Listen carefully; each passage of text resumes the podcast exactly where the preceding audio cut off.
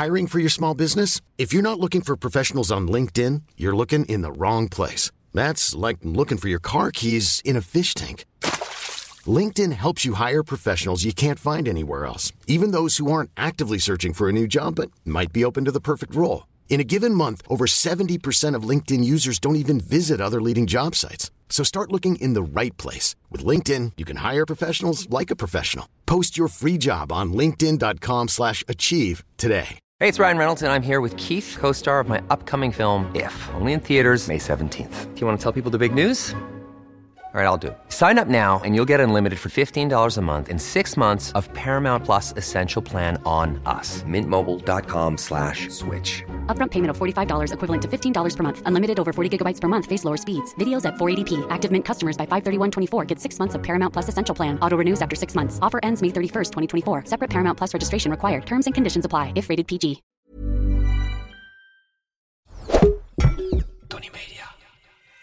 Als je al je ruimte opvult met die prikkels, blijft er veel minder over voor jezelf. Hoe kan je nou nadenken over wat je wil met je leven? Hè? Weet je, je hebt een job, weet je wel, wat je daar echt van vindt als iedere minuut van de dag zit volgestopt met de fucking prikkel. Ja. Weet je dat ik toen met mijn telefoon lam in dat zwembad ben gesprongen? Ja, nee, dat bubbelbad. Ja, Met maar ook in pizza. het zwembad. Ja, met, Met die, die pizza, ja. Dat... Kijk, dat ik geen WhatsApp heb, wil niet zeggen dat ik geen vrienden heb, weet je. De kwaliteit van mijn vriendschappen is erop vooruit gegaan... doordat als ik er ben, dan ben ik met je. Dit is de voornaamste reden waarom ik ben gestopt. Zodra de deur dicht ging, voelde ik me zo slecht. Ja. En dat was, gaat verder dan oh een dipje of oh een katertje. Echt instant depressief. Echt jank.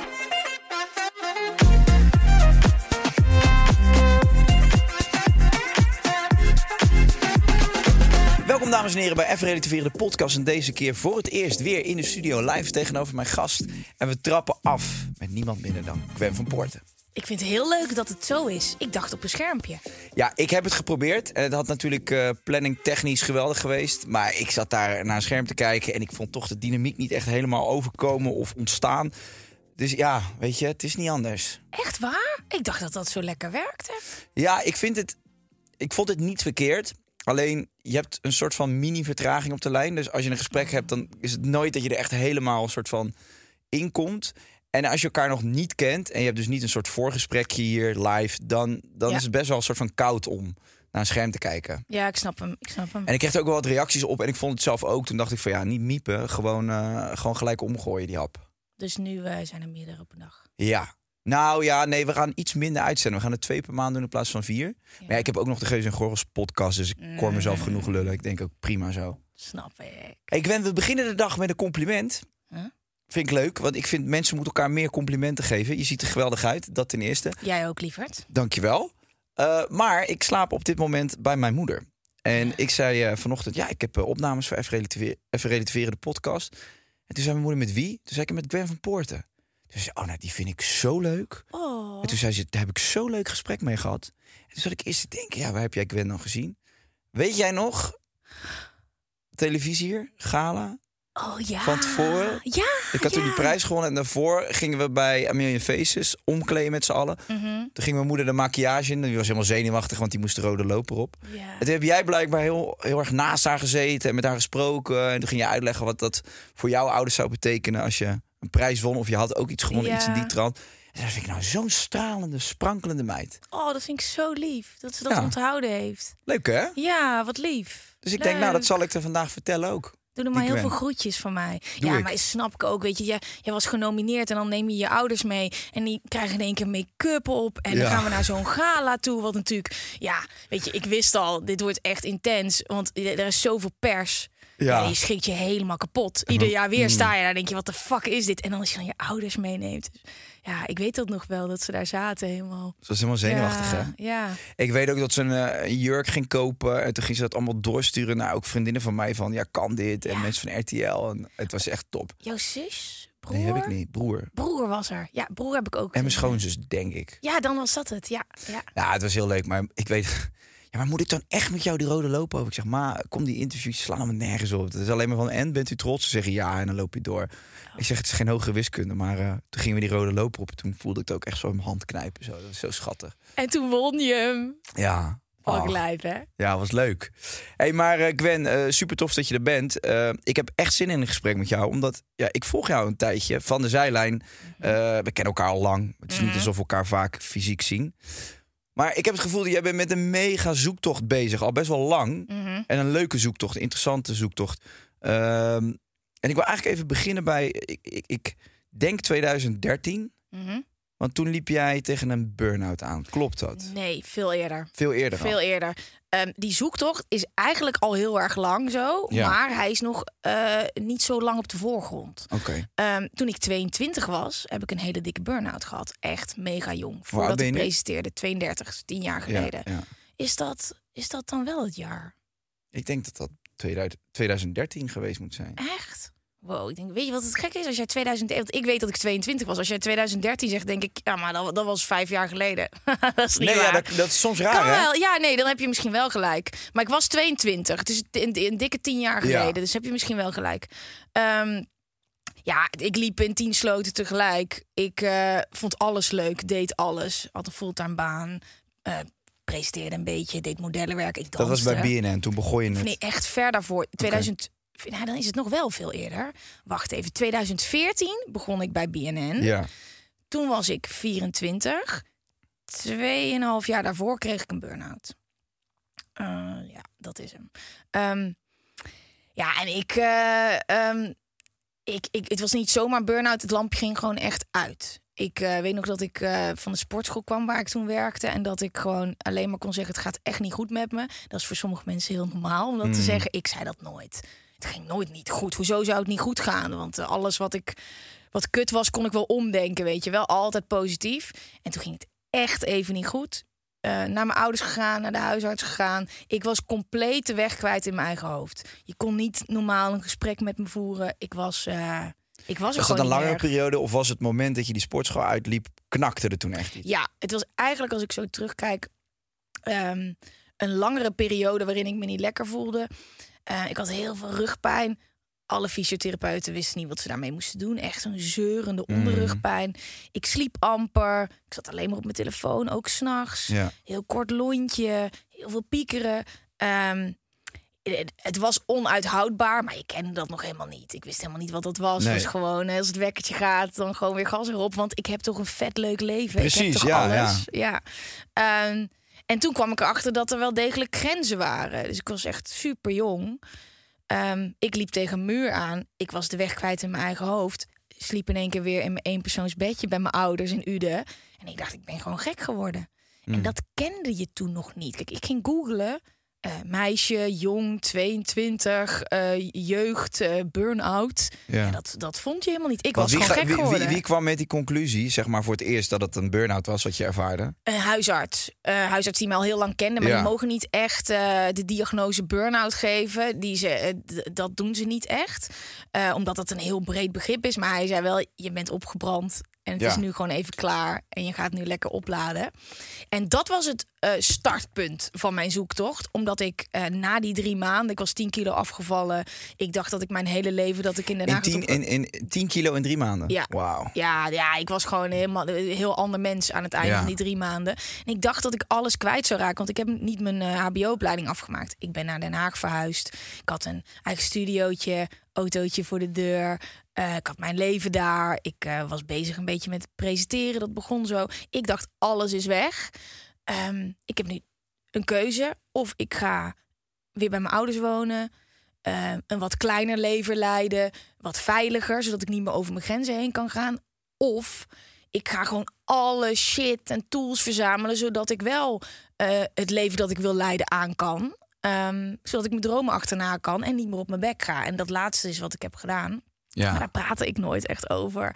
Eh, want dat was nog heel lang voor mij ja, een teken van zwakte. Niemand praatte daarover, over mentale gezondheid. Denk je dat het taboe rondom burn-outs inmiddels verdwenen is? Of is die er nog steeds? Nou, toevallig was ik gisteren aan het spreken op een school Mhm. eh, in Utrecht. Ehm, ja, daar, daar werden wel veel handjes de lucht in gestoken als ik vroeg eh, wie kent er iemand die wel eens depressief is geweest. Burn-out, mentale klachten, dat is er echt vanaf aan het gaan. Ik denk onder andere door TikTok, podcast, televisie. Het is echt veel meer bespreekbaar. Eh, ja, ik zei ook gisteren tegen ze. Toen ik jullie leeftijd had. Dit, dit hoorde je nooit. Mm. Ik kon dat niet zeggen. Ik kon niet zeggen, yo, het, gaat het gaat zo slecht met me dat ik, ik... Ik ben gewoon de weg kwijt. Dat, dat gebeurde niet. Dus er is veel gebeurd wel. Wa- wa- was het er vroeger ook niet? Ehm, dus als we een generatie eh, teruggaan, zeg maar nog, voor, eh, laten we zeggen, Ja. naar onze ouders. Was het toen ook niet? Of werd het alleen niet besproken? Want ik, ik vraag me wel eens af, is ehm, ja, die burn-outs ontstaan die niet ook door, door de wereld en de maatschappij waar we in terecht zijn gekomen? Ja, ik denk het zeker. Weet je, de, de, als je ziet de informatiestroom die wij tot ons nemen, Ja. vergelijkbaar met, met 30 jaar geleden, is al heel anders. Maar ik denk ook dat we er vroeger niet echt een naam voor hadden. Nee. Ik denk niet dat. eh, kijk, nu, nu is het fijn. Weet je, een burn-out is ook een heel breed begrip. Kijk, ik heb maar drie maanden thuis gezeten. Sommige mensen zitten twee jaar thuis en hebben hele andere klachten. Klopt. Ehm, juist omdat het zo breed is, is het moeilijk bespreekbaar. Maar ja, ik denk dat het toch vaak achter gesloten deuren bleef. eh, als iemand zich echt kut voelde. Maar als ik naar jouw verhaal luister, dan- dan, dan voel ik ook, er was heel veel aan de hand, zeg maar. Ja. Je bent heel erg overprikkeld en, Ja. en, en ging alle kanten op, stuurloos, geen kaders voor jezelf, geen grenzen waarschijnlijk ook aangeven. Ja. Eh, dat is natuurlijk wel iets wat ook ontstaat op het moment dat je ja, nu 18, 19 bent, weet je Ja. wel. Er is zoveel informatie, zoveel te doen, zoveel te bereiken. Je hebt zoveel ja, waar je aan moet voldoen. Telefoons zie je constant eigenlijk. Want jij zegt net, het wel grappig, jij zei ja, we hebben tegenwoordig TikTok en daar kun je inderdaad open over praten, hè, over deze problemen. Dus je hebt ook weer heel veel ehm, toffe plekken waar je juist weer informatie vandaan kan halen. Maar tegelijkertijd zijn die apps ook de reden dat heel veel mensen natuurlijk tegen een burn-out aanlopen. Omdat het ook weer, hè, het heeft ook weer Ja. een hele andere kant. Ehm, ja, dus ik dan dat gesprek wel eens met mijn moeder heb, dan zegt mijn moeder ook wel van ja, hoe jullie nu opgroeien, dat heeft zoveel moois, maar ook wel, ik vind het heel heftig om te zien, zegt ze. Het is veel, het is Nee, heel veel. Zoveel uitdagingen extra krijgen we erbij. Het kan allemaal heel mooi zijn als je weet hoe je het moet gebruiken. Maar ik denk dat het belangrijker is dan ooit. ehm, dat we sterker in onze schoenen komen te staan. En dat Ja. we weten wat onze gebruiksaanwijzing is. Want dat is eigenlijk waar ik de afgelopen tien jaar achter ben gekomen. Is dat ja, ik heb gewoon een eigen gebruiksaanwijzing. Dat hebben we allemaal. Die is eh, een tikkeltje anders dan de mensen om me heen die ik ken. Ehm, ik kwam er bijvoorbeeld achter dat, eh, ja, het soort van basic human knowledge. Maar ja, alles dat leuk is, ja, dat, dat kost ook gewoon energie. Dan kan je alleen maar bezig zijn met toffe dingen. Ik vulde mijn dagen toen ik begin twintig was met alleen maar toffe shit. Heel Ja. veel werken. Was allemaal leuk. Maar uiteindelijk ging gewoon het lampje uit. En ik zag dat niet. Want ja, maar het is toch, is toch vet? Het is toch cool? Ehm, ik wist ook helemaal niet hoe ik mijn emoties moest verwerken. Ik was altijd positief. Want ik ga je niet in mijn eentje een potje zitten janken. Nee. Dat, wat, wa- wat heb ik daaraan? Ik, ik- alles omdenken. Werd ik gedumpt door een scharrel? Zal wel een reden hebben. Precies, precies. Ehm, eh, die kans gaat niet door. Ja, eh, er komt er wel weer een nieuwe. Ja, weet je, alles verzamel je in je rugzak. Ja. Ehm, en die rugzak, die moet een keer geleegd worden. Mhm. Ja. En op het moment dat je dat allemaal onder het tapijt schuift, ja, dan krijg je hem een keer eh, om de oren. Dat is het. En ehm, dat is uiteindelijk voor mij het allergrootste cadeau ooit geweest. Omdat ehm, ik- mijn carrière begon net een beetje. Het was nog voor BNN. En ik wist, oké, luister, er komen plekken, in, momenten in mijn leven. Dan kan ik het me niet meer veroorloven. Ja. Om, om drie maanden FAU. Eh dus ik ben daar heel open over geweest. Wel achter de schermen. Bij BNN tegen mijn werkgever: Yo, jongens, ik heb ooit een burn-out gehad. Ik heb de neiging om over mijn eigen grenzen heen te gaan. Want dat is dus het ding. Ik kan dus werken als een paard totdat ik omval. Werd je dan begrepen als je dat zei? Ehm, ja, dat, ja, weet je wat het is? Je wordt daar toch een beetje gehandeld. Dus het is een soort van. Ja, dit, de, dat, zo noem ik dat altijd een beetje. Je wordt wel serieus genomen, maar eigenlijk alles wat de presentatoren daar zeggen, dan, die, dan word je altijd heel serieus genomen. Ja, ja, ja. Ehm, ik weet niet hoe het op dat moment was als een redactielid het zou zeggen, maar op dat moment werd ik heel serieus genomen. Maar deden ze er echt wat mee? Ja, precies. Nee. Heel begripvol knikken. Ja, ja, nee, nee. Ga goed dat je doen. dat zegt. Ja, ja, ja. Nee, er werd niet echt wat mee gedaan, maar ik vond het wel heel lekker omdat ik daarop terug kon vallen. Ja, tuurlijk. Ging ik de afgelopen tien jaar eh, niet meer over mijn eigen grenzen heen? Natuurlijk wel. De hele tijd fucking veel. Hmm. Ehm, maar de afgelopen tien jaar heb ik dus allemaal shit verzameld. Waardoor ik nu ervoor kan zorgen dat ik over het algemeen mentaal lekker in balans ben. En dat ik gewoon lekker kan doen waar ik zin in heb. Zonder dat dat emmertje overloopt. En is, als, je, als je een burn-out plat slaat, is dan het belangrijkste om te herkennen dat je weet wanneer en hoe je je grenzen moet aangeven? En die, die bellen krijg je er een beetje gratis bij, van die alarmbellen. Dus ik weet Ja. inmiddels heel goed.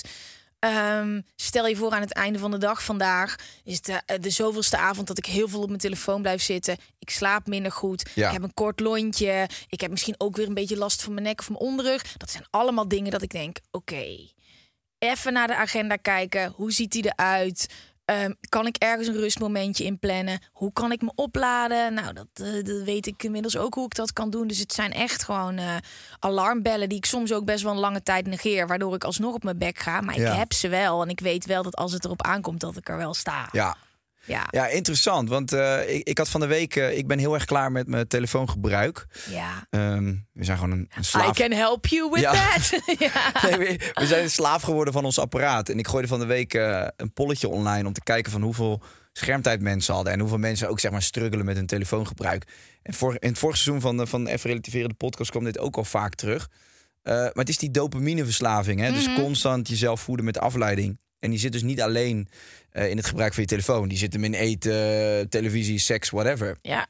En eh, toen kwam ik eh, bij de dopamine detox. Ehm, en als je ziet waar je dan eigenlijk van zou moeten afkicken, voor als je, als je het een tijdje zou willen proberen om je hersenen te resetten, dat is best wel heel veel. En heel veel zit gewoon zo ongelooflijk ja, in ons systeem gebakken, zonder dat we het doorhebben. Patronen, dagelijkse patronen. Het is niet eens altijd per se afleiding, denk ik. Het is gewoon een soort habit. Eh, je hersenen zijn zo geprogrammeerd dat als je ergens staat, je hebt één seconde niks te doen, dat je die telefoon uit je zak haalt. Mhm. Maar het is best wel, ja, ik vind het best wel eh, bizar om te zien eh, op hoeveel momenten in een, op een dag wij eigenlijk naar afleiding zoeken en dus eigenlijk voorbij Ja. gaan aan onszelf. Mhm. En als je dat blijft stapelen, ja, dan kom je inderdaad op een gegeven moment op een punt dat je tegen een burn-out aanloopt. Want wij zoeken, wij zoeken constant, als we de, wij zoeken eigenlijk nooit de stilte op. En Nee. de stilte vertelt eigenlijk het meest, want dan communiceert je lichaam of je geest met je. Maar we lopen daar eigenlijk altijd aan voorbij, want we hebben Ja. altijd iets te doen. Ja, omdat die rugzak, hè, die rugzak met al die bullshit, Ja. weet je wel, die moet geleegd worden op een moment van stilte. En dat is helemaal niet relaxed, weet je wel. Soms, we moeten ons soms gewoon even heel erg kut voelen. Klopt. Dat is gewoon mens zijn. Als je daaraan voorbij gaat, dan loopt het over. En dan krijg je niet alleen maar eh, klachten in je kop, maar ook in je lijf, weet je wel. Je slaat het allemaal op. Maar die telefoon ehm, is één van de dingen waar Ja. ik heel bijzonder, daar heb ik het ook in mijn boek over. Ehm, eh, ik ben eh, best wel een beetje freak als het op mijn telefoon aankomt. Weet jij dat ik best wel een freak ben daarmee? Met je telefoon aan ja, zich. ja, dat Nou ik daar ja, heel ik- anders. Weet, je, weet jij dat ik geen WhatsApp heb? Volgens mij, ja, dat Ja, weet ik. ja. Maar dat heb je al lang. Want Heb ik een al heel lang, al we zijn vijf een jaar. perstrip geweest. Volgens mij had jij toen al, weet je nog? We- Nee, weet je wat ik op die perstrip had gedaan? Daar moest ik vanochtend nog aan denken. Weet je dat ik toen met mijn telefoon lam in dat zwembad ben gesprongen? ja, nee, dat bubbelbad. Ja, Met maar ook in het zwembad. Ja, met, Met die pizza, ja, dat klopt ja. Want toen waren die eerste iPhones er die onder water konden. Maar dat kon En niet. toen zei Gwen, ja, toen, toen had je een Malibu'tje op volgens mij. Of toen zei vijf. ik, of vijf. Toen zei je van, ik ga even kijken of die werkt. En toen ben je zo dat zwembad En die werkte Ja, niet. ik en daar moest je al je content mee schieten Ja, ik had alles zo goed beveiligd omdat ze me hadden geprobeerd te hacken. Dus Ja. ik kon zeg maar de hele reden waarvoor wij naar de Dominicaanse publiek wa- waren eh, gevlogen was dat eh, eh, we daar content gingen maken. En ik kon niks meer de hele trip. Maar je had toen al, even los van los het feit dat dit een hilarisch verhaal is. Ja. Toen had je volgens mij al geen WhatsApp, toch? Ik heb al best wel lang geen WhatsApp meer. Ik eh, eh, was voor spuiten en slikken aan het draaien voor een item. eh, wat ook met drinken te maken had. Toen heb ik mijn zender en mijn telefoon in de wc laten vallen. Ehm, die werkte niet meer. Nee, heel gek. heel gek. Ja. Wat een kutkwaliteit. Ja, ook even testen of die waterproof waren. Ik werd de volgende ochtend wakker en er was eerst heel veel paniek. Van fuck, ehm, waar moet ik zijn, wanneer, mijn mail, eh, berichten, vrienden, social media. En eigenlijk later op de dag veranderde dat in heel veel rust. Hmm. Want ehm, ik was een onwijze pleaser, dat ben ik nog steeds. Daar moet ik mezelf een beetje voor beschermen. Ja. En alles wat ze van me nodig hadden, dat gaf ik. Weet je, ik was altijd bereikbaar. Ja. Eh, Gwen, eh, kun je even dit brengen, dit opnemen, dit... weet je, Gwen was er altijd, want hallo, dit is mijn allergrootste droom. Ik heb hier fucking hard voor gewerkt. Ik ben er altijd. Daardoor stond ik altijd aan. Ehm, en dat viel weg, doordat mijn telefoon er niet was. Dus toen er weer een nieuwe telefoon kwam, dacht ik, dit gaan we anders doen. Eh, alles loopt blijkbaar gewoon door. Weet je, ik klap gewoon mijn laptop open, dan is er mijn mail. Ehm, ik ben eigenlijk de baas. Ja, Dus wat nou als ik mijn grenzen ga aangeven, waardoor ik lekkerder in het leven sta, dan moet iedereen daar toch wat aan hebben. ja. Dat was, dat weet ik nu, Zo voelde dat toen niet. Toen voelde het gewoon heel moeilijk. Maar ik heb nooit meer WhatsApp geïnstalleerd. Ehm, en, duidelijk aangegeven van, weet je, ik ben bereikbaar. Ehm, maar op bepaalde punten van de dag, in de ochtend bijvoorbeeld niet. En dat ben ik eigenlijk veel verder gaan uitkristalliseren. Waardoor ik lekkerder leef. Kijk, ik hou niet van WhatsApp. Ik zeg echt niet dat iedereen dat moet doen. Ehm, maar ik hou gewoon niet van groepsgesprekken. Weet je, ik had inmiddels al weet ik veel hoeveel seizoenen van Spuiten Slikken gedaan. Er zitten allemaal 30 mensen in die de hele dag door berichten sturen. Van alles is er een nieuwe groepsapp. En ik wil niet de hele tijd bereikbaar zijn, omdat ik heel graag ook momenten uit wil staan. En ja, sinds dat het er niet meer is, komt het er ook nooit meer. En ben ik best wel een special edition daarin. Maar ja, mij levert het heel veel op. En ik snap ook niet waarom als er weer een nieuwe app komt... dat we dan massaal besluiten dat we dat moeten hebben. Terwijl er echt wel, weet ik zeker, een gedeelte van de bevolking... hetzelfde erin staat als dat ik erin sta. Uh, maar die vrijheid niet meer hebben. Dat kan 100%. toch niet? Nee, daarom vind ik het echt leuk dat je er bent. Omdat ik, dit is best wel een topic waar ik me mee bezig hou. Ook, ik had toevallig vandaag dit gesprek met een vriend.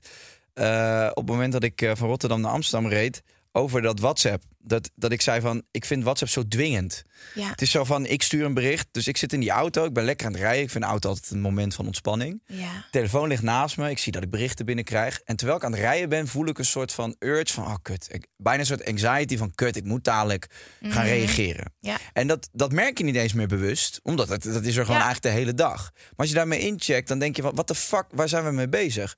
En een andere vriend van mij, die heeft dit ook exact hetzelfde gedaan wat jij hebt gedaan. Die heeft al heel lang geleden WhatsApp eraf gegooid. En die zegt, ja, ik krijg af en toe een sms. Ja. Eh, maar het is een soort grotere drempel om te sms'en. Dus Dat hij zegt, ik dus, krijg hem ook alleen op het moment dat iemand me echt nodig heeft. Ja. En ik bepaal zelf wel wanneer ik daarop reageer. Ja. Wanneer ik vind dat er tijd voor is. En WhatsApp is zo dwingend. En dat zijn eigenlijk al die andere apps natuurlijk ook. Het is een soort alsof je in het casino zit met die rode vinkjes. Tik, tik, tik, tik, tik, tik. En het ding is dus, als je al je ruimte opvult met die prikkels, blijft daar veel minder over voor jezelf. Hoe kan je nou nadenken over wat je wil met je leven? Hè? Weet je, je hebt een job, weet je wel, wat je daar echt van vindt als iedere minuut van de dag zit volgestopt met de fucking prikkel. Ja. Als je nooit eventjes je hoofd leeg maakt. We zitten de hele tijd met ons kop al in andermans leven. We worden wakker met wat de buurman voor ontbijt heeft gehad. Die heeft al in de sportschool gestaan. Je staat al op met een kutgevoel, want jij hebt geen ontbijt in huis en je hebt ook nog niet in de sportschool gestaan. Nee. Dan begin je je dag al kut in plaats van hé, hey, wat wil ik van mijn dag gaan maken? Ja, Hoe ja. ben ik opgestaan? En ik denk echt als daar wat meer ruimte voor komt, dat mensen ook veel eerder, weet je, je hebt heel veel dat mensen niet weten wat ze met hun leven aan moeten, wat ze nou echt willen. Als er wat meer stilte komt, wat minder prikkels, heb je gewoon wat meer ruimte voor jezelf. Ja, dat is echt zo. Ja, Ja, op het moment dat je, dat je niet weet welke kant je op wil met je leven, of het nou werk is of relatie of whatever. ja. Op het moment dat je gewoon echt met jezelf bent, alleen bent, dan komen die antwoorden vanzelf. Want het is vaak ook een gevoel, hè? Gewoon het voelen van iets. Mhm. Ja. Kan je niet eens altijd in woorden uitdrukken. Maar je weet gewoon, je intuïtie vertelt, ga naar links of ga naar rechts. ja. Maar op het moment dat je jezelf alleen maar aan het afleiden bent, kom je daar dus niet. Nee, en dat is zo zonde, want de mooiste shit ligt in stilte. En dan hoef je echt niet per se te mediteren, want jij bent ook gek op mediteren. Maar je hoeft echt niet per se daarvoor te mediteren, maar gewoon even wat ruimte voor jezelf. En het is echt ook, ik merk het aan mezelf, wat ik al zei, een van de tekenen. Als ik gewoon wat gestrester ben, is dat ik die telefoon steeds pak. En dan Ja. weet ik ook, ja, ik wil niet dealen met wat er nu in mijn hoofd zit. ja. ja, ik weet bijvoorbeeld een moeilijk gesprek of een interview, of weet ik veel wat ik de volgende dag moet doen. Ik wil daar even niet aan denken. En dan zoek ik afleiding. Ja. Maar ja, ook dat zijn wel juist wel de dingen die de moeite waard zijn, weet Ja. je? Het is, het is echt grappig goed. En ook vooral dat we het niet meer helemaal doorhebben. Maar ik doe daar dus niet aan mee. ik heb geen WhatsApp. Ik ben ook niet goed bereikbaar. Ehm, ik eh, heb hele heldere regels daarin opgesteld. En dat is één... eh, ja, zijn, is een van de tools die ik, die ik inmiddels heb verzameld. Want ik weet, als ik hier niet naar luister, ja, dan is dadelijk een keer het emmertje weer vol. En er zijn zoveel dingen in mijn leven die de moeite waard zijn. Ehm, had ik graag iemand willen zijn, die, die zijn er, die met gemak vijf groepsapps doen, twee vingers in de neus, hun werk rokken, een gezin hebben, weet ik veel wat. Ja, dat had ik ook willen zijn, maar dat ben ik helaas niet. Dus dan moet ik daar gewoon naar leven. Dat ga ik ook niet meer proberen. Dus stap 1 is misschien ook wel leer jezelf goed kennen. Weet Dat wie is je bent. alles. Ja. dat is alles. Hey, en eh, er zitten misschien wel mensen te luisteren die dit eh, ja, voelen en denken: holy shit, ik weet, niet, je zegt rake dingen, ik, eh, ik struggle hier ook mee. En ik weet zeker dat het zo is, want uit dat polletje wat ik heb gedaan ging over telefoongebruik en wat baal je van jezelf, et cetera. En, is echt een heel groot percentage die daar heel erg mee zitten. En ik had ook opgegooid dat, om een soort challenge te doen, een, een dopamine detox. en daar was veel animo voor. Stel nou dat de mensen naar jou luisteren nu. Ja. En die denken bij zichzelf, ja, ik, ben, ik wil wel, maar ja, dan ben ik misschien wel anders. Of misschien ga ik wel heel veel missen. En, en, en als ik niet op Instagram zit, ja, ja, dan, dan hoor ik er niet meer bij. Whatever. Weet je, al die Ja. onzekerheden, al die stemmetjes. Ja. Maar wat, wat kan jij tegen die mensen zeggen? Kijk, als jij dit gaat doen en je gaat er lekkerder door, wordt je leven zoveel leuker. Ja. Wordt je leven zoveel leuker. Want als er iets niet is, kijk, dat ik geen WhatsApp heb, wil niet zeggen dat ik geen vrienden heb. Weet je, de kwaliteit van mijn vriendschappen is erop vooruit gegaan, doordat als ik er ben, dan ben ik met je. Ja. Weet je, ik hoef niet, hè, hoe gaat het goed met jou? Wat ga je vandaag doen? Nee, ik ben er echt als vriendin. Als jij gaat leven volgens jouw voorwaarden, kan je juist floreren op de manier dat jij het lekkers gaat. Weet je, alles wordt beter als je je eigen gebruiksaanwijzing weet. Ehm, en eh, de enige manier om erachter te komen of dat echt zo is, is door het gewoon te gaan doen. En juist door hierover te praten.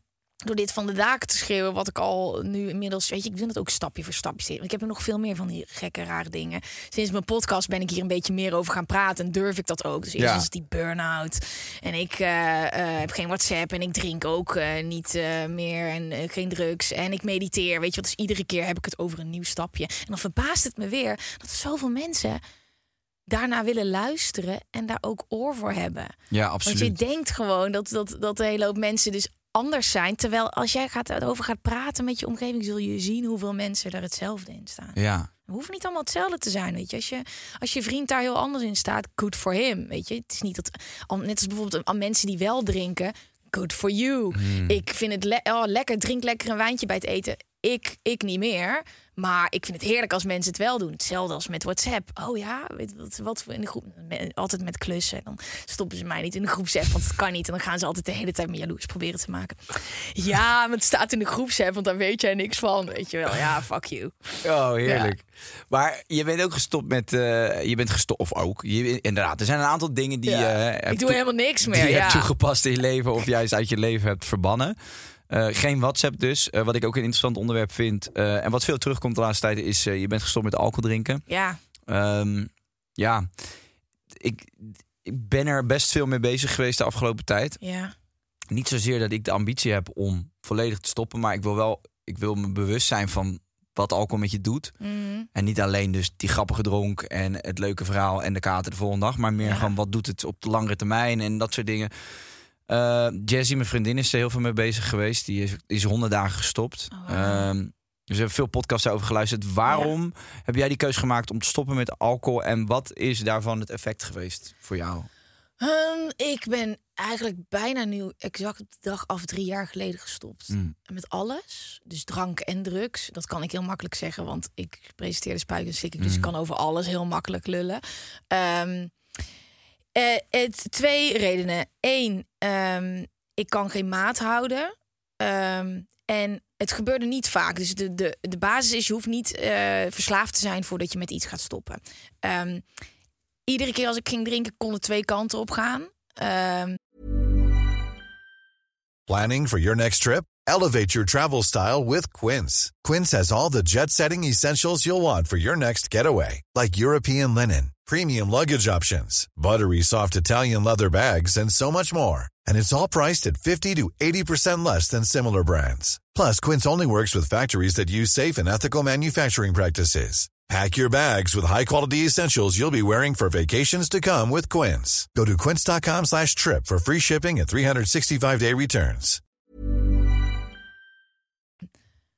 En vaak was het nooit meer naar huis. Ja, ja. en dat kon ook gewoon een wijntje bij het eten zijn. Dus ik was niet echt een. eh, ehm, ik, ja, ik was vooral een, een drinker als ik ging feesten. Ja, Ehm, en daar baalde ik dan van, omdat ik dat eigenlijk helemaal niet wilde heel vaak. Dus van van tevoren nam ik me voor om dat niet te doen. Daar baalde ik dan van. Eh, ook een beetje streng voor mezelf. Eh, ik vond het gewoon heel irritant dat ik steeds over die grenzen heen ging. Want wat, nou, ik wil gewoon heel graag vroeg naar huis. En hoe kan dat dan? en wat gebeurde er dan? Hoe ging jij over die grenzen heen? Als je nu terug reflecteert op die tijd. Nou ja, er wordt gewoon, ik word gewoon een ander mens. Dus het is van. Maar hoe verander je? Wat, je neemt Nou. dat eerste wijntje. Wat gebeurt er met jou? Nou, ehm, van oké, we gaan gewoon een gezellig avondje hebben. Ik heb alles onder controle, want ik heb graag de controle over veel dingen. Naar fuck it. Ik weet niet eens meer hoe ik hier een uur geleden over dacht, maar we zijn maar één keer jong. We moeten leven, alles meemaken. Let's go. Het duveltje begint allerlei eh, excuses te bedenken. Ja, Ehm, eh, dus ik kan echt behoorlijk goed door het geluid ingaan. Het ding is, ik ontdekte drugs toen ik ehm, en begon met spuiten en slikken. Dat was echt toen ik voor het eerst drugs probeerde. Want ik durfde dat eigenlijk helemaal niet zelf in mijn eentje. Ehm, Dus ik, onder begeleiding leerde ik drugs kennen. En daar ging ik ook lekker mee experimenteren. Ik ben verslaafd geraakt door mijn werkgever. Ja, ik had, wel, ik had het goed onder controle. Dus, ehm, het was niet dat ik daarmee over de schreef heen ging. Ehm, het is alleen dat ehm, ik steeds verder mijn grenzen ging verleggen. En dat ik op de momenten dat ik eigenlijk moest opladen... dus na lange werkdagen of momenten dat ik gewoon echt eventjes... calm the fuck down, ging ik het verwerken door te feesten. Ja. En wat er dan gebeurde, eh, eh, als je eigenlijk al op gaat feesten en je gooit van alles in je, waardoor je wel sociaal kan zijn en wel kan dansen. En ik werd in één keer herkend. Dat kon ik dan ook alleen maar aan, weet je wel, als ik gewoon lam op de dansvloer stond. Ik wilde dat allemaal meemaken, dus oké, gooi er maar wat in. En dan kwam ik thuis en eigenlijk, dit is de voornaamste reden waarom ik ben gestopt. Zodra de deur dicht ging, Mm. voelde ik me zo slecht. Ja. En dat was, gaat verder dan oh een dipje of oh een katertje. Echt instant depressief. Echt janken. ja. Ehm, Op het moment dat je dus soms nog drugs kwam. in je lichaam had of alcohol in je lichaam, ja. dan begon dat Zodra al. ik thuis kwam zonder de prikkels. Ja. Ehm, en eh, inmiddels weet ik, eh, ze hebben daar eh, in het Engels een benaming voor. Dat is anxiety. Ja, dus ja. een mix van een kater, een hangover en anxiety. Dus echt heftige stress. Ik kon niet slapen. Wat heb ik allemaal gezegd? Wat heb ik allemaal gedaan? Schuldgevoelens, een soort onbestemd groots kutgevoel. Eh, vrienden bellen die erbij waren. Van, heb je dat ook? Iedereen was relaxed. Sterker nog, sommigen gingen alweer naar een nieuw festival. Ja, ja, ik was nog wakker en ik ging mega slecht. En eh, dat, eh, de nasleep werd zoveel heftiger dan hoe leuk het eigenlijk hoorde te zijn. Ehm, en eh, drie jaar geleden, die laatste zomer, ben ik denk ik vier, vijf keer naar een feestje gegaan. Eh, waar ik achteraf dus ook zoveel stress had. Ja. Dat ik dacht, ja, dit is het me gewoon niet meer waard. Weet je, dit is gewoon een beetje het vechten ook tegen een soort van.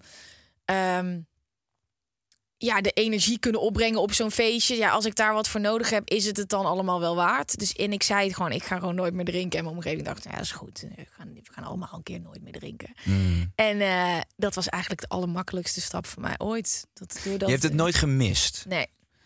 Ja, dan ben je er. de- Ja, jij was er. Als ik zo naar je verhaal luister, je was er echt klaar, klaar mee ook. Ja. Je hebt het eigenlijk misschien nooit echt leuk gevonden ook. Nou, ik denk dat het nooit echt voor mij is geweest. Nee. Ehm, ik denk dat ik het vooral nodig had om. Ik, ik ben extrovert, maar ik ben ook heel erg introvert. Ehm, en als ik uitga, dan vraagt dat alles van mij. Ik ben echt een pleaser. Ik wil dat iedereen het leuk heeft. Ja. Ik geef alles. Als iemand met mij een gesprek aangaat, dan geef ik alles. Ja, als je dan op een gegeven moment wat bekender wordt, dan willen een hele hoop mensen wat Klopt. van je. Dus ik had meer energie nodig. En dan ging ik ook nog eens uit gaan gebruiken om op te laden na een week dat ik kapot was. Ja. Dus nu zie ik dat al die schakels gewoon anders waren. Ehm, combinatie met dat ja, geen maat kunnen houden, dacht ik gewoon, ja, iets in mij zei al heel lang: dit is gewoon niet meer voor jou. Het resoneert eigenlijk gewoon helemaal niet met wie Gwen is. Nee, dit, dit, dit moet gewoon stoppen. Ehm, ja, sinds ik dat drie jaar geleden heb gedaan, ja, ik, ik voel me echt heel goed. Het was niet dat ik, dat ik wekelijks me hier, zeg maar, dat ik fysiek minder lekker in mijn vel zit. Maar ja, als ik wel kijk naar de afgelopen drie jaar. Ik heb een podcast die lekker gaat met een heel bedrijf wat eraan vast zit. Ik heb een boek geschreven wat bijna uitkomt. Ja. Dat soort dingen.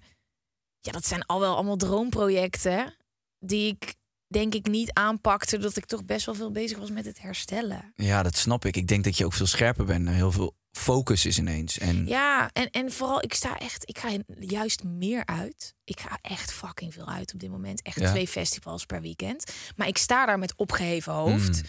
Ehm, ik durf met iedereen te kletsen. Ik durf ook te zeggen, hey, nu even niet. ja, Ehm, ik, ik werd ook een beetje paranoïde ervan. Dus ik werd een beetje in mezelf gekeerd. En ik dacht, oh, weet je wel, dadelijk maakt iemand een foto. Of ehm, ik, ik raakte echt een beetje van slag. En nu, dit is, dit is natuurlijk de eerste zomer, weet je wel, dat we weer kunnen. Mijn eerste zomer nuchter. Merk ik dat ik gewoon met mijn kop omhoog gewoon op al die feestjes sta. In de meest donkere, grimmige kelders sta ik zeg maar te beuken. Maar niet meer twaalf uur lang, nu gewoon Nee. vijf, zes uur. dat is Ehm, nog, vind ik nog lang. ja. Ik ben eh, vorige week of twee weken geleden ben ik naar de DC-10 op Ibiza geweest. Ik weet niet of je dat nou, kent. Ja, dat ken ik wel. En Circle Loco was daar. Dat is, Ja. dat is echt knijthard technofeest en ook vrij duister. Eh, daar zou ik normaal altijd gestaan hebben met, eh, met een pil, met Mick. Ja. Eh, nu ben ik aan het trainen voor die, voor die mensen shoot. Dus ik had zoiets van, nou, weet je, ik moet daar gewoon even een keertje nuchter naartoe. En het zit naast het vliegveld. Ja. En Jesse zou landen die avond. En twee vrienden van mij gingen naar naartoe. Toen dacht ik, nou oké, weet je, als ik vroeg naar binnen ga... dan kan ik dat gewoon eens twee uur aanschouwen. En dan kan ik me daarna laten oppikken door Jess. Ik heb daar twee uur tussen gestaan. Echt iedereen was helemaal naar de getver. Ja. Maar ik voelde me wel, ik voelde me wel een eenling, moet ik Oh, zeggen. ja? Want ik stond, ja, ik stond in dat donkere hok met die lichten en die flitsen. En iedereen stond daar met die brilletjes te kauwen en te, klap, te klapschaatsen. En ik stond ertussen. En ik was het gewoon gefascineerd aan het aanschouwen. Ja. Maar ik voelde me echt een buitenstaande tussen de zombies, weet je. Dus ik probeerde ook wel eens oogcontact met iemand te zoeken. Maar niemand, iedereen stond zo. Ik, ja, iedereen stond zo in zijn eigen space. En toen dacht ik, jeetje, zo sta ik er ook regelmatig bij, zeg maar. Maar dat is, dat is interessant dat je. Kijk, als je nuchter naar een feestje gaat, ga je ook veel selectiever worden. En ga je dus naar de plekken waar je het nuchter vet vindt. Ja. En dan ben je dus op een plek waar je eigenlijk wat nodig had gehad om te genieten van wat er was. Maar dat is sowieso de crux. Ook in, in jouw hele verhaal, zeg maar. ehm, wat, wat denk ik heel veel mensen herkenbaar vinden. Je, hoe vaak, ook met bijvoorbeeld het aangeven van je grenzen. Weet je, bijvoorbeeld een verjaardag van iemand, Ja. van een vriend of van een kind van een vriend. Weet je wel, Mhm. dat soort dingen. Ehm, je, bent, je bent heel vaak moe, eh, omdat er gewoon heel veel gebeurt in je dagelijkse bestaan. En eigenlijk het enige wat je zou moeten doen is luisteren naar je lichaam. Mhm. En dat is vaak maar één ding. Dat is gewoon jezelf afsluiten, slapen, op de bank liggen, wandelen, whatever. Gewoon even tijd voor jezelf. Ja. Want dan kan die batterij weer opladen. Maar die batterij is dus al helemaal leeg. Dat weekend moet nog beginnen. Dan worden we uitgenodigd voor iets wat die batterij nog meer leeg maakt. Ja. En wat doen we? Nou ja, eigenlijk is de batterij al leeg. Weet je wat? We gebruiken een middel om toch nog te kunnen Ja. functioneren op die sociale aangelegenheid. Ehm, en ik denk dat we dat allemaal wel herkennen. Maar dat we daar niet naar handelen. Want, want het is gewoon ook, ja, het zit, zit een soort van in ons systeem geroest. En we doen dat en we gaan maar door. En sociale druk en whatever. Ja.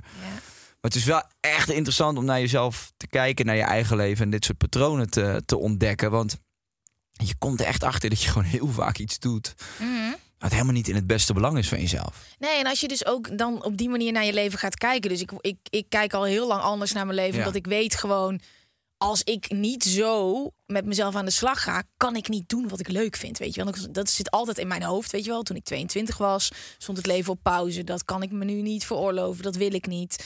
Ehm, en in dit opzicht is voorkomen beter dan genezen. Als jij je energiemanagement onder controle hebt en jij kijkt naar je weken en je geeft jezelf wat je nodig hebt. Dus niet alleen maar je werkgever die je agenda vol plant en je vrienden en je moeder en je weet ik veel wat allemaal, maar dat je ook blokken voor jezelf inplant waar je jezelf geeft wat je nodig hebt. Dan sta jij in één keer vrijdag heel anders op dat feestje, heel anders op die verjaardag en dan heb je nog wat meer energie over in plaats van jezelf helemaal kapot maken, uitputten, niet aan je gevoelens denken. Ja, dan inderdaad, dan heb je gewoon wel wat nodig, weet je. Dus het is eh, Klopt. En, en het is ook, zeg maar, voor de mensen die luisteren en denken van ja, ik vind een drankje wel leuk of een pilletje wel leuk. Op het moment dat jij jezelf goed onderhoudt en verzorgt en je bent fit, dan is dat pilletje ook nog drie keer leuker dan dat die Precies. is op het moment dat je daar naartoe gaat en ik ben moe. Ja. Weet je wel, alles is, ja, het is versterkend, het werkt Ja. versterkend. Dus hoe fitter jij je voelt, hoe leuker dat ook kan zijn. En ik vind het dus wel heel leuk dat, dat eh, kijk, andere mensen het wel doen. Ehm, ik had ook iemand willen zijn die gewoon af en toe een pilletje, weet je. Bij mij is het alles of niets. Ja. Ik ga dat niet meer doen. En ik heb ook wel gezegd, hè, de, dit, is, dit seizoen van mijn leven is zo. Het kan best wel zijn dat ik ooit moeder word en denk, nou, mijn leven ziet er zo anders uit. Misschien heb ik wel zin in een rood wijntje bij de pasta vanavond. Ja, ja, Wie weet, tuurlijk, maar ik zeg voor, voor dit seizoen nee. Ehm, ehm, maar ik kan er wel van genieten dat mensen dat wel kunnen. Daarom ga ik ook zo lekker op feestjes. Hoe lomper, hoe harder, hoe beter. Hoe, eh, ik, ik voed me echt op andere mensen die feesten en dansen en die genieten. Dus het Ja, moet ja. wel een feest zijn waar mensen echt denken... fuck, having the time of my life. Dus als je Gwen tegenkomt op een feestje, neem dat pilletje, want zij wil verdomme genieten. Ja, ik wil, het feit dat jij ja, daar ik wil dat je danst. Ja, Nee, maar je wil gewoon in een omgeving zijn waar gewoon optimaal eh, gefeest wordt. ja. Hey, eh, je noemde het net al een paar keer. ehm, je boek. Ja, mijn boek, I Ja. know. Ja, maar dit is, dit is heel vers namelijk. Want nee, het maar is, eh, ik ben ook heel benieuwd. Dus, ik heb mag- er nog helemaal niet met iemand over gepraat. Dus het is voor mij ook nu het moment dat het, dat het ja. Laten we het gaan doen. Want je hebt een, ik, heb, ik heb een klein stukje of een stukje. ja, volgens mij de, de beschrijving van wat Ja. het boek gaat zijn, heb ik doorgekregen. Maar ik vind het veel leuker als je het zelf gaat uitleggen. En ik ben, ja, ik ben benieuwd. Je gaat een boek uitbrengen. Ja, Bijna al, hè? Ja, 1 september is de. Ik weet niet wanneer dit uitkomt, maar 1 september is de. Nou, de- dan is die misschien al... eh, 1, op se- Nou, om en eh, nabij. 1 september is de eh, eh, voorverkoop en 20 september ligt hij in de winkel. Als ik dit zo. Je bent de eerste waar ik dit hardop zeg maar bij een microfoon Bring it on, zeg. Gwen. Ja, eh, Gefeliciteerd alvast. Gewoon met het feit dat je zo'n... eh, het boek schrijven lijkt me een enorm proces. Je hebt hem dus afgekregen. Het is, dat is, Well ja, ja, ja dat, dat is het. Een boek. Want je weet, alles wat erin komt. Ja, je kan er niet, je, kan er niet even nog een stukje achteraan lullen. Nee. Want als je hier zo naar kijkt, dit is, dit is gewoon wat het is. En ehm, ik was bezig met een planner. We waren bezig met een planner met, met z'n allen. Ik dacht, nou, dat is leuk. Weet je, vind ik tof. Ik ben heel erg into plannen. Daar was ik zoveel teksten voor aan het schrijven dat de uitgever zei. Ik weet, je moet een boek gaan schrijven. Toen zei ik, nee, dat, ga- dat gaan we niet doen. Kom, Via welke het uitgever doe je vroeg. Eh, Growing Stories. Oké. Ehm, en eh, eh, ja, een hele fijne samenwerking. En toen kwamen in diezelfde week twee uitgevers met de vraag of ik een boek wilde schrijven. Toen dacht ik, En die kwamen op basis van je podcast? Of weet, ja, denk ik, weet ik niet. Toen dacht ik, oké. Ik moet hier misschien over na gaan denken. Want als dus in één week drie mensen komen met zeg maar het idee. En één iemand die ook echt met teksten had gelezen. Ik heb wel eens columns geschreven. Maar toen is het gaan rollen. Ja. Ja. het, het ding is gewoon, sinds dat ik die burn-out heb gehad, heb ik de afgelopen tien jaar gewoon een hele hoop shit verzameld die voor mij normaal was. Maar toen kwam een podcast. ehm 2020. En daarin had ik het in één keer daarover. En het was helemaal niet de bedoeling dat die podcast over persoonlijke groei zou gaan. Het is met z'n allen de podcast. Stuur maar vragen in, die beantwoord ik. Ja. Ik dacht alleen maar seks en drugs, net als BNN. ja, ja, precies. En eh, toen had ik het over mediteren. Nou, kwamen daar veel vragen. Mijn burn-out, psycholoog. Ehm, en toen bleek dus dat al die shit waar ik het liefst over klets, dat een hele hoop mensen het daarover wilden hebben. Dus die podcast kreeg die richting. En toen, ja, luister, eh, are you ready? Dit is, dit is waar ik het liefst over praat. En toen kwam ik er ook wel achter dat de manier waarop ik daarover praat en wat anders bij mensen binnenkwam. Want het hoeft niet allemaal moeilijk. Het hoeft niet altijd zweverig te zijn. En, en een hele hoop mensen hebben behoefte aan praktische tips. Precies die tips die ik nodig had toen ik uit mijn burn-out kwam. En de tips die ik niet kon vinden. Ehm, en ik ben dan best wel een beetje een, een, een- een freak in een aantal dingen waar we het dan over hebben gehad. Ehm, dus ik dacht, ja, laten we gewoon beginnen met schrijven. Het is een boek geworden met een hele hoop persoonlijke verhalen. Onder andere de thema's waar wij het over hebben. Weet je, Ja. waarom ik zo gek ben op meditatie. Hoe ik met mijn telefoon omga. ehm, eh, hoe ik lekker door het leven ga. Ehm, gevuld met praktische tips. Ja. Ja. Dus Ja, te het, is, gek. het is gewoon een zelfhulpboek. Dat vond ik in het begin, dat als ik aan het schrijven, dacht ik... Nee, het is, het is gewoon een, eh, een boek met mijn... Het is gewoon een fucking zelfhulpboek geworden. Dat is de conclusie. Het is gewoon de reis die jij hebt gemaakt de afgelopen tien jaar. Ja. En die heb je gebundeld. Ja. Maar wat- je zegt wel iets interessants. Kijk, dat hele... ehm, je, je hebt een paar van die woordjes, spiritualiteit, zweverig. En daar hangt natuurlijk een enorm stigma omheen. En eh, het is een beetje, ja, weet je, zweverig. eh. heel veel mensen zeggen ook altijd van... Dat vind ik altijd heel grappig. Dan heb, ik het, heb ik het over mediteren of zo. Dan zeggen ze van, ja, ik ben daar te nuchter voor. En Ja, ik heb is is dat een slap gelul. Eh, Ja. Je weet niet eens wat het voor je kan doen. Maar dat zit zo in de systeem van mensen eh, geprent. Zo van, ja, nee, spiritualiteit, dat is niks voor mij. Dat is, dat is, dat is bijna iets vies. Dus het is de manier waarop je dat verkoopt. En je, niet, niet als in dat je het verkoopt, maar meer Mhm. Van hoe breng je dat? Eh, die denk ik wel heel erg tot de verbeelding spreekt voor veel mensen. En heel veel mensen aanspreekt. Omdat, ik ben het ermee eens, in de spirituele wereld kan het ook een enorme zweem van... But I love it, hè? Want ik ook. Ik ben echt een onwijze zweefkees. Maar, Maar wanneer ben je een zweefteef of nou, kees? ik vind het heerlijk gewoon om ook, ook in dingen te geloven die niet per se wetenschappelijk bewezen zijn. Nee, oké. En dingen voor- maar ehm, ik denk ook dat er een hele hoop mensen zijn die daar nog niet klaar voor zijn. Die wel eens last hebben van de stress van hun telefoon, stress in hun nek. En die dan denken: oh mijn god, kristallen. Ja, dat weet ik niet hoor. Weet je, mediteren, eh, contact maken met het universum, lastig. Ik denk gewoon dat er een, een, een hele grote groep mensen is die dit allemaal wel interessant kunnen gaan vinden, maar die eerst nog even met hun voetjes op de grond willen blijven. Ehm, Maar ik, nee, ik, denk, ik denk echt dat het communicatie is. Want ik geloof ook in al die dingen. Mhm. ik, ik ben echt, man, eh, je, ik vind niks interessanter dan praten over Ja. die als wat is hij voor, starseeds, aliens, Ja. whatever, weet je wel. Ik geloof er ook echt in. En ik, doe- ik doe regelmatig healings, readings, whatever, weet je wel. Of het nou een handlezeres is of... Ik vind die shit gek. Tarotkaarten geloof ik ook heilig in. Ik, ik geloof gewoon dat het universum op verschillende manieren met ons communiceert. Numerologie. Ik heb laatst een numerologie-reading gehad. Dat was echt ook weer zo spot on. Zo heerlijk, want op het moment dat jij dus hierin geïnteresseerd raakt, ben je ook gewoon vol gas ervoor gegaan. En ik weet nog dat we een keer een gesprek hadden. Ja. Over mediteren en zo. En toen wist jij dat nog niet helemaal. En toen begon je op een gegeven moment echt het interessant te vinden. Ja. En gewoon helemaal vol gas ervoor gegaan. Dat is zo vet. Ja, maar ik heb dus, weet je, ik heb ook wel eens dat mensen mij dingen vertellen eh, die dan als spiritueel gelabeld worden. En dan vind ik de manier van vertellen vind ik, vind ik Ja. te traag of te, Ja. te zweverig. Eh, terwijl diezelfde materie kan iemand me anders me uitleggen, maar die vertelt het beknopter of op een andere manier. Mhm. Daarom vind ik het goed wat jij doet, omdat ik denk dat jij, jij, jij spreekt veel meer de taal van, van de generatie die eh, hier nu naar op zoek is, maar Mhm. die zich nog niet kan identificeren met die monnik die, Ja. hè, die, Ja. die- of die, die nu terug is gekomen naar de stad. Ik bedoel, er zijn best wel veel natuurlijk mensen met geweldige verhalen, maar die missen wat mij betreft net even de, de taal van dit moment Mhm. om, het te, om, om te kunnen delen. En daarom denk ik dat het goed is om zo'n boek te schrijven, omdat je weet het, als je een soort spirituele ontwakening krijgt, dat begint met een Ja. klein vonkje. Ja. En dan duik je elk rabbit hole in Ja. en vervolgens kan je niet meer terug. Maar op het moment dat het aanstaat, dan gaat het gewoon. Precies, en dat vind ik zo leuk. Kijk, mediteren is bij mij begonnen met het trainen van mijn hersenen. Gewoon Ja. gaan zitten, ademhalen, focussen, Precies. je bek houden. En ehm, ik raakte er pas aan verslaafd toen ik door had van oké, weet je, het is wetenschappelijk bewezen. Kijk eens al die onderzoeken die er zijn gedaan. Ja, en daarna ben ik ook compleet doorgeslagen. Klopt. Maar het leuke is dat ik, ik wil mensen gewoon graag enthousiasmeren en laten zien, dit is bewezen. Dit kan het voor jou doen. Eventueel inspireren door keuzes te maken eh, die misschien niet de norm zijn, hè, die normaal zijn in de maatschappij. Eh, ik zeg niet dat mensen geen WhatsApp moeten nemen. Ik zeg ook niet dat mensen moeten stoppen met drinken. Maar eh, durf je eigen gebruiksaanwijzing te schrijven en ga je eigen fucking tools verzamelen. Of dat nou mediteren is, lekker op je kop hangen in een hangmat. eh, ehm, eh, alleen reizen is voor mij een hele grote geweest. Daar schrijf ik ook over. Dit is hoe ik het heb gedaan. Hier zijn de tools hoe jij je eigen shit kan eh, gaan schrijven. Hoe je je eigen tools kan gaan verzamelen.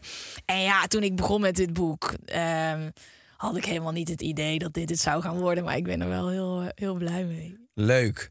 Ja, en hij komt recht uit je hart, toch? Het is allemaal. Het is zo niet geforceerd geschreven. Dit is gewoon iets wat je al tien jaar aan het doen bent. En het zijn allemaal dingen waar ik het ook nog nooit over heb gehad. Allemaal verhalen. Dan denk je dat zo'n boek af is. En dan komt er in één keer nog een heel ander verhaal uit mijn rollen. Dat ik, en dan dat ik dat doorstuur, weet je. Het, over onzekerheden. Dingen waar ik nooit over heb gepraat. Hoe gaat het heten? Eh, eh, met je voeten in het stopcontact. Voeten in het stopcontact. Met z'n allen lekker leven. Ehm, en eh voeten in het stopcontact, omdat mijn vader eh, dat altijd al tegen mij zei. En toen Ja. ik mijn burn-out kreeg ook. Ga maar lekker met je voeten in het stopcontact. Ja.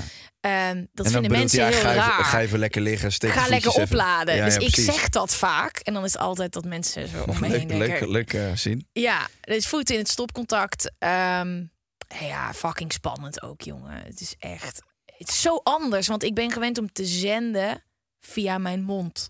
en nu gaan mensen het lezen. Ehm, en eh, ja, ik, eh, ik ben gewoon heel erg benieuwd. Eh, ik ben heel benieuwd, maar het is hoe dan ook. Het, het, ja, het is iets geworden waar ik heel trots op ben. En ja, ik heb gewoon heel veel zin in. Leuk. Ik heb het idee sowieso dat alles wat je nu doet...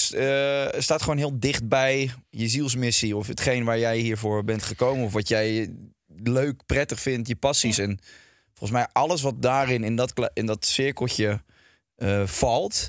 Dat, dat floot gewoon, denk ik. Maar Dus ik denk dus, ook dat eh, het een succes gaat worden. Maar dat is het grappige wat je dat zegt. Dat zo'n podcast die dan die richting krijgt en alles wat eruit komt voelt zo natuurlijk. Ja. En zo'n boek rolt er dan, nou, daar ben je wel echt veel mee bezig, maar dat rolt er dan uit en dat voelt allemaal zo goed. Ehm, het is heel goed dat je dat zo beschrijft. Maar als je mij vijf jaar geleden had gezegd dat ik een meditatieprogramma zou gaan maken, had ik gezegd dat je knettergek in je hoofd Ja. was. Eh, maar het, echt, Kai, het kon niet anders. Ik kon niet anders dan alles waar ik nu mee bezig ben. Dat voelt allemaal zo goed. eh, dat ik kon niet anders dan het hierover hebben. En dat vind ik mooi.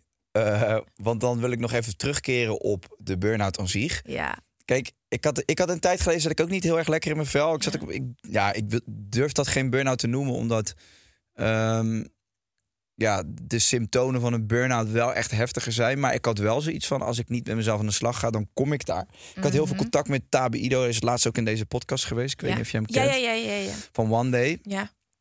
En toen hadden wij het er eigenlijk over van... Hij heeft een hele, twee hele heftige burn-outs gehad. Maar echt, hij had een burn-out dat hij gewoon drie weken lang in zijn kamer moest liggen... met gordijnen dicht voordat hij weer voor het eerst buiten van de kamer uit durfde te komen. Oei, oei, oei. Toen hadden we het over, eigenlijk is een burn-out het grootste geschenk wat je kan krijgen. En op het moment dat er nu mensen kijken, luisteren, die, die misschien nog midden in die burn-out zitten. Het is gewoon een signaal. Het is een, het, het- je lichaam geeft aan, je geest geeft aan tot hier niet verder. Je zit op het verkeerde pad. Raak de grond, zie je duister en daarna gaan we gewoon Ja. een andere weg in. En alle mensen die depressief zijn geweest, een burn-out hebben gehad en daar zijn uitgekomen, doen nu allemaal iets wat veel dichter bij hun hart en hun ziel ligt. Mhm. En zijn veel gelukkiger. Dus eigenlijk moet je zeggen, dankjewel burn-out. En dat kan je misschien nu nog niet als je er middenin zit. Maar ik, ik geloof daar wel echt in. En ik vind, ehm, ik vind het daarom wel... Soms moet je even je vleugels verbranden om, om op het juiste pad te Maar komen. met alles, weet je, ga zo snel mogelijk, zoveel mogelijk op je bek. Want dat is precies waar de, de lessen zitten in Ja. alles wat je doet. Ja. Ehm, ja, ik heb ook soms dat mensen mij een berichtje sturen die zeggen... maar ik heb nog geen burn-out gehad. En eh, hoe kan ik dan? Want ik heb het altijd over die burn-out als startpunt. Maar ik denk voor iedereen, weet je, alle nare shit die je meemaakt... alle, alle momenten dat je je kut voelt of als je niet lekker gaat... als je oog krijgt daarvoor, dan kan Ja. je daar lessen uithalen. In plaats van dat je gefrustreerd bent dat je een kutdag hebt... Als je juist anders naar je, met een andere bril op naar je leven gaat kijken, dan kan je daar weer heel veel uithalen. Klopt. Ja. Maar, eh, maar eh, ehm, een hele hoop mensen die daar middenin zitten, maar ook mensen die daar nog helemaal niet zijn. Het is voor iedereen zo waardevol om gewoon jezelf te leren kennen. Erachter te komen wat jij wil, waar jij zin in hebt. Als jij jezelf op de eerste plek gaat zetten, en dat is een beetje waar mijn boek echt over gaat. Als je beste vrienden wordt met jezelf en jezelf boven iedereen zet, hè, boven je partner, boven je ouders, boven iedereen, dan ga je er zoveel meer voor anderen kunnen zijn. Dus iedereen wordt daar blij van en jij zelf ook. ja. Eh, we leven echt in een maatschappij waar dat egoïstisch is. Waar we alles voor iedereen willen doen, behalve voor onszelf. Terwijl als je jezelf goed gaat verzorgen, heb je zoveel meer om te geven. En dat is niet egoïstisch als dat betekent dat je daardoor een app wist. Of weet ik veel wat anders. Lekkere maand alleen op reis gaat, dan hoort dat daarbij. ja. En je echte 100%. vrienden blijven dan wel over. Dat heb jij ook gemerkt. De echte vrienden zijn denk ik wel overgebleven nu dat jullie op Ibiza zitten, of niet? Ja, zeker. Nee, ja, en je raakt. eh, Ik heb een. eh, ja, je neemt ook afstand van mensen eh, in de jaren, vooral vanaf je 25ste tot je 30ste, denk ik. Want daarvoor is iedereen je vriend, weet je wel. Dan gaat het om Mm. stappen en bier drinken en een beetje Ja. over voetbal praten en kut roepen. Als je dat kan, dan, dan is het al gauw een vriend. Mhm.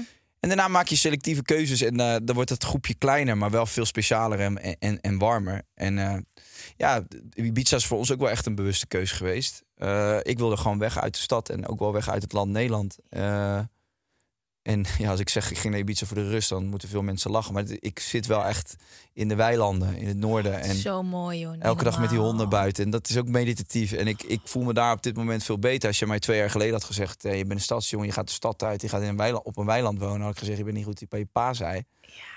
Maar ja, nee, en, en dus nee, ik, maar ik vind het heel mooi hoe jij, hoe jij dat net omschreef, zeg maar. Dat is wel echt allesomvattend. Blijft, blijft gewoon heel dicht eh, bij je hart, denk ik. En ehm, het is wel grappig eh, voor de mensen die, die inderdaad misschien wel zeggen van... ja, ik zit nog niet in een burn-out of whatever.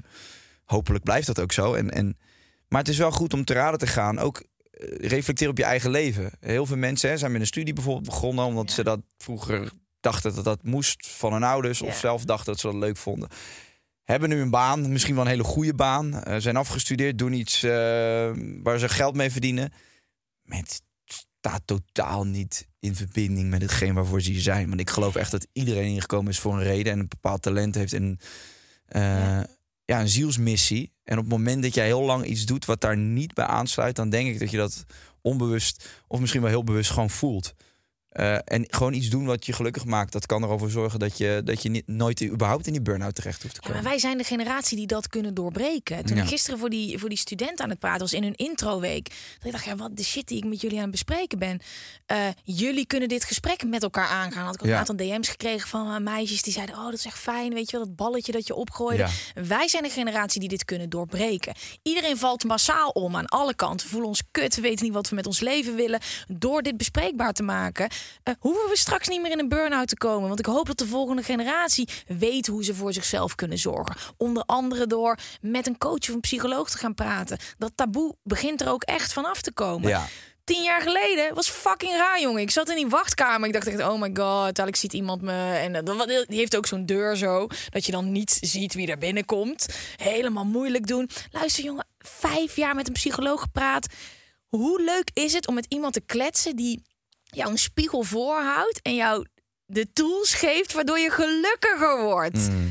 Jezus, jongen, dat is het, allerbeste wat ik ooit heb gedaan. Het allerleukste. Ehm, moet je eh, slecht gaan voordat je met zo iemand gaat praten? Helemaal niet. Zie het juist eh, als een investering in jezelf, waardoor je niet vastloopt. Juist. Ehm, maar als we over dat soort dingen gewoon lekker ouwe hoeren en dat normaal maken, en dan komt er straks een generatie, hoop ik, dat, dat mijn kids gewoon allemaal die stappen al kunnen zetten, waardoor ze gewoon met een opgeladen batterij, misschien wel met een pilletje op een feest gaan staan, wel gewoon lekker een druk sociaal leven hebben, misschien iets minder apps, maar gewoon dat je weet wat bij je past. Ja, met misschien wel hele bewuste keuzes maken. Bewuste keuzes, precies dat. Inchecken ja. met zichzelf. Ja. Ja, dat is echt nu een shift die we kunnen maken met z'n allen.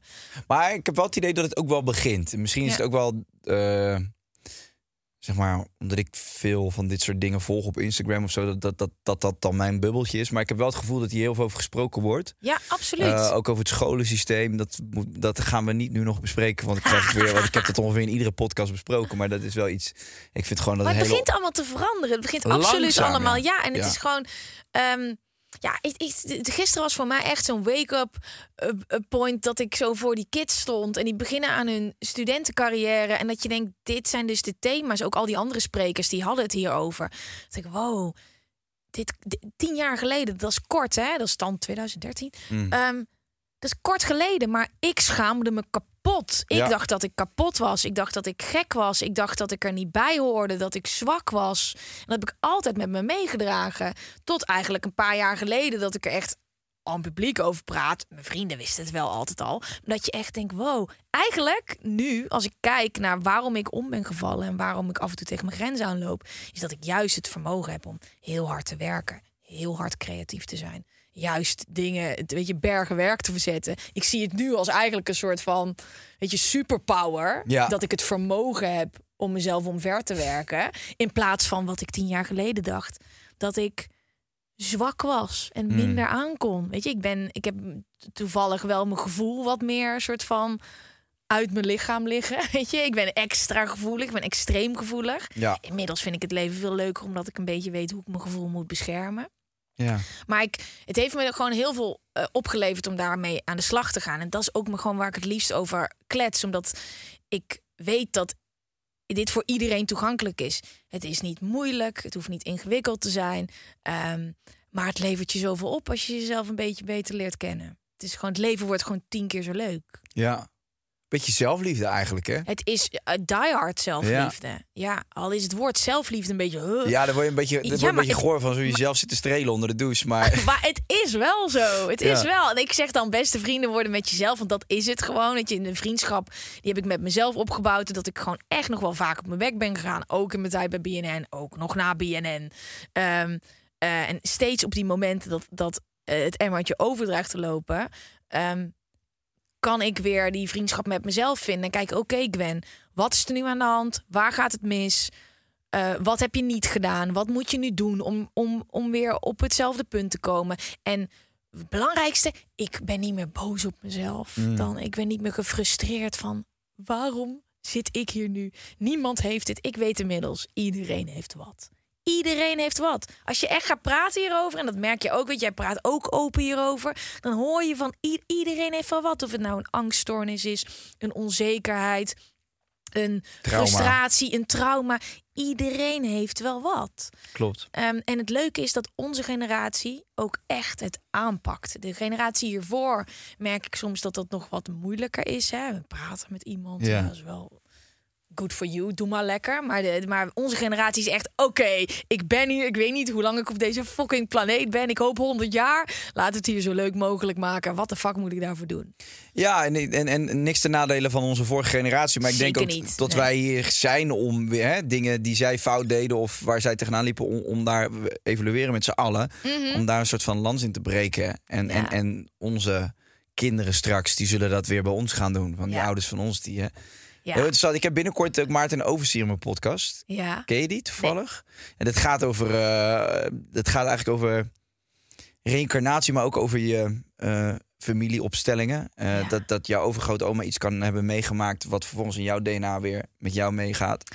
En het gaat ook heel erg over die landsbreken van eh, die familietrauma's die je allemaal aan elkaar doorgeeft. Om daar een soort halt in te roepen door te erkennen van waar komen die dingen vandaan. Mega interessant. Ehm, Gwen, super bedankt voor je openhartigheid. Ehm, en je energie. Ik vond het heel leuk om met jou zo te kletsen. Ja, Want dat doe je niet zo snel als je gewoon zo op een première staat of zo. ik, ja, al die premières. Ik moet eerlijk zeggen dat ik al twee jaar, twee jaar... Nee, ik kom helemaal nergens meer. Ja, ik was laatst. Oh, dat ik. Ik wilde gewoon even een leuke jurk aan. Weet je, Ja. ik wilde gewoon even een leuke foto in een leuke jurk. Ik kwam thuis. Ik, nee, ik had mijn vriend voor het eerst ooit meegenomen. Die gaat dan niet mee op de foto en zo. Ik zei, nou, gast. Ik heb hier echt geen zin meer in, jongen. Het is echt. eh, eh, Nee, ik kan, de volgende keer maken we gewoon een foto in de tuin. Echt, hè? Trek je jurk aan, ga de hond uitlaten. Je hebt een Kijk, geweldige kijk hond. de dikke first world problems. Al die kutpremières. nee, nee, maar ik snap wat je bedoelt. Ik snap het. Ik, nee, ja, ik ben... Ik, ja, ik, Maar dan heb je dus, jij hebt ook, dat is ook denk ik deels waarom je deze podcast doet.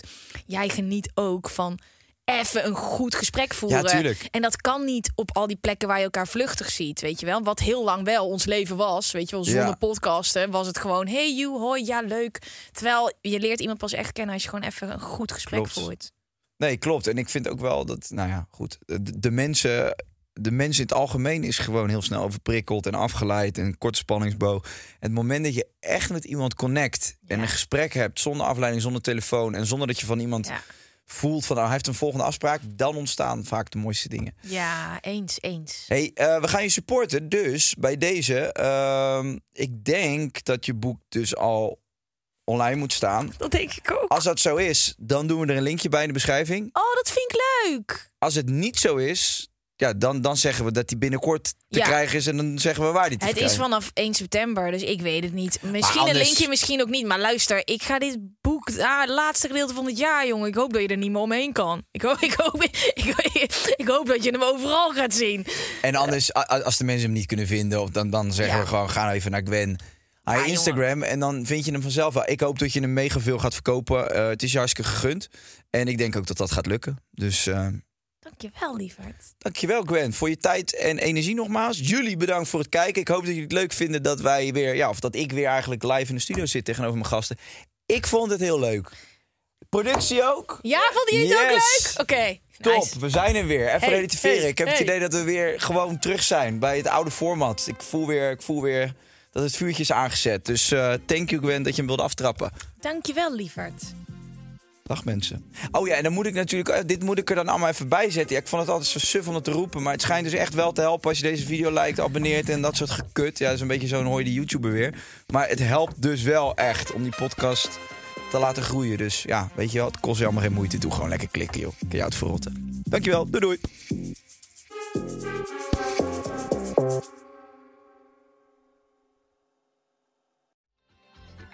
Weet je waar ik zo'n tyfushekel aan heb? Toeristen, als het te druk is in de stad, zelf koken. Ja, alles wat je nu zojuist benoemt. En daarom maken jij, denk Daan Hogevorst, Ja, Robert Rodenburg. een podcast waarin we alleen maar klagen. Want klagen is HET medicijn tegen het collectieve leed wat maandag heet. Dus elke maandagochtend een nieuwe te horen op je favoriete podcast-app. Maandag Klaagdag!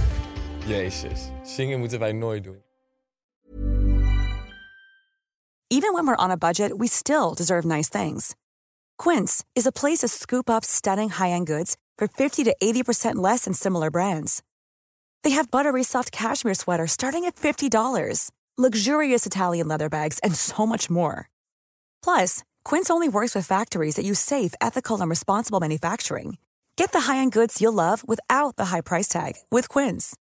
Go to quince.com slash style for free shipping and 365-day returns. How would you like to look five years younger? In a clinical study, people that had volume added with Juvederm Voluma XC in the cheeks perceived themselves as looking five years younger at six months after treatment. Look younger, feel like you. Add volume for lift and contour in the cheeks with Juvederm Voluma XC. Reverse signs of aging by adding volume to smooth laugh lines with Juvederm Volure XC. For important safety information and to find a licensed specialist, visit juvederm.com. That's J U V E D E R M.com. Not for people with severe allergic reactions, allergies to lidocaine, or the proteins used in Juvederm. Common side effects include injection site redness, swelling, pain, tenderness, firmness, lumps, bumps, bruising, discoloration, or itching. There's a risk of unintentional injection into a blood vessel, which can cause vision abnormalities, blindness, stroke, temporary scabs, or scarring. Talk to a licensed specialist to find out if it's right for you.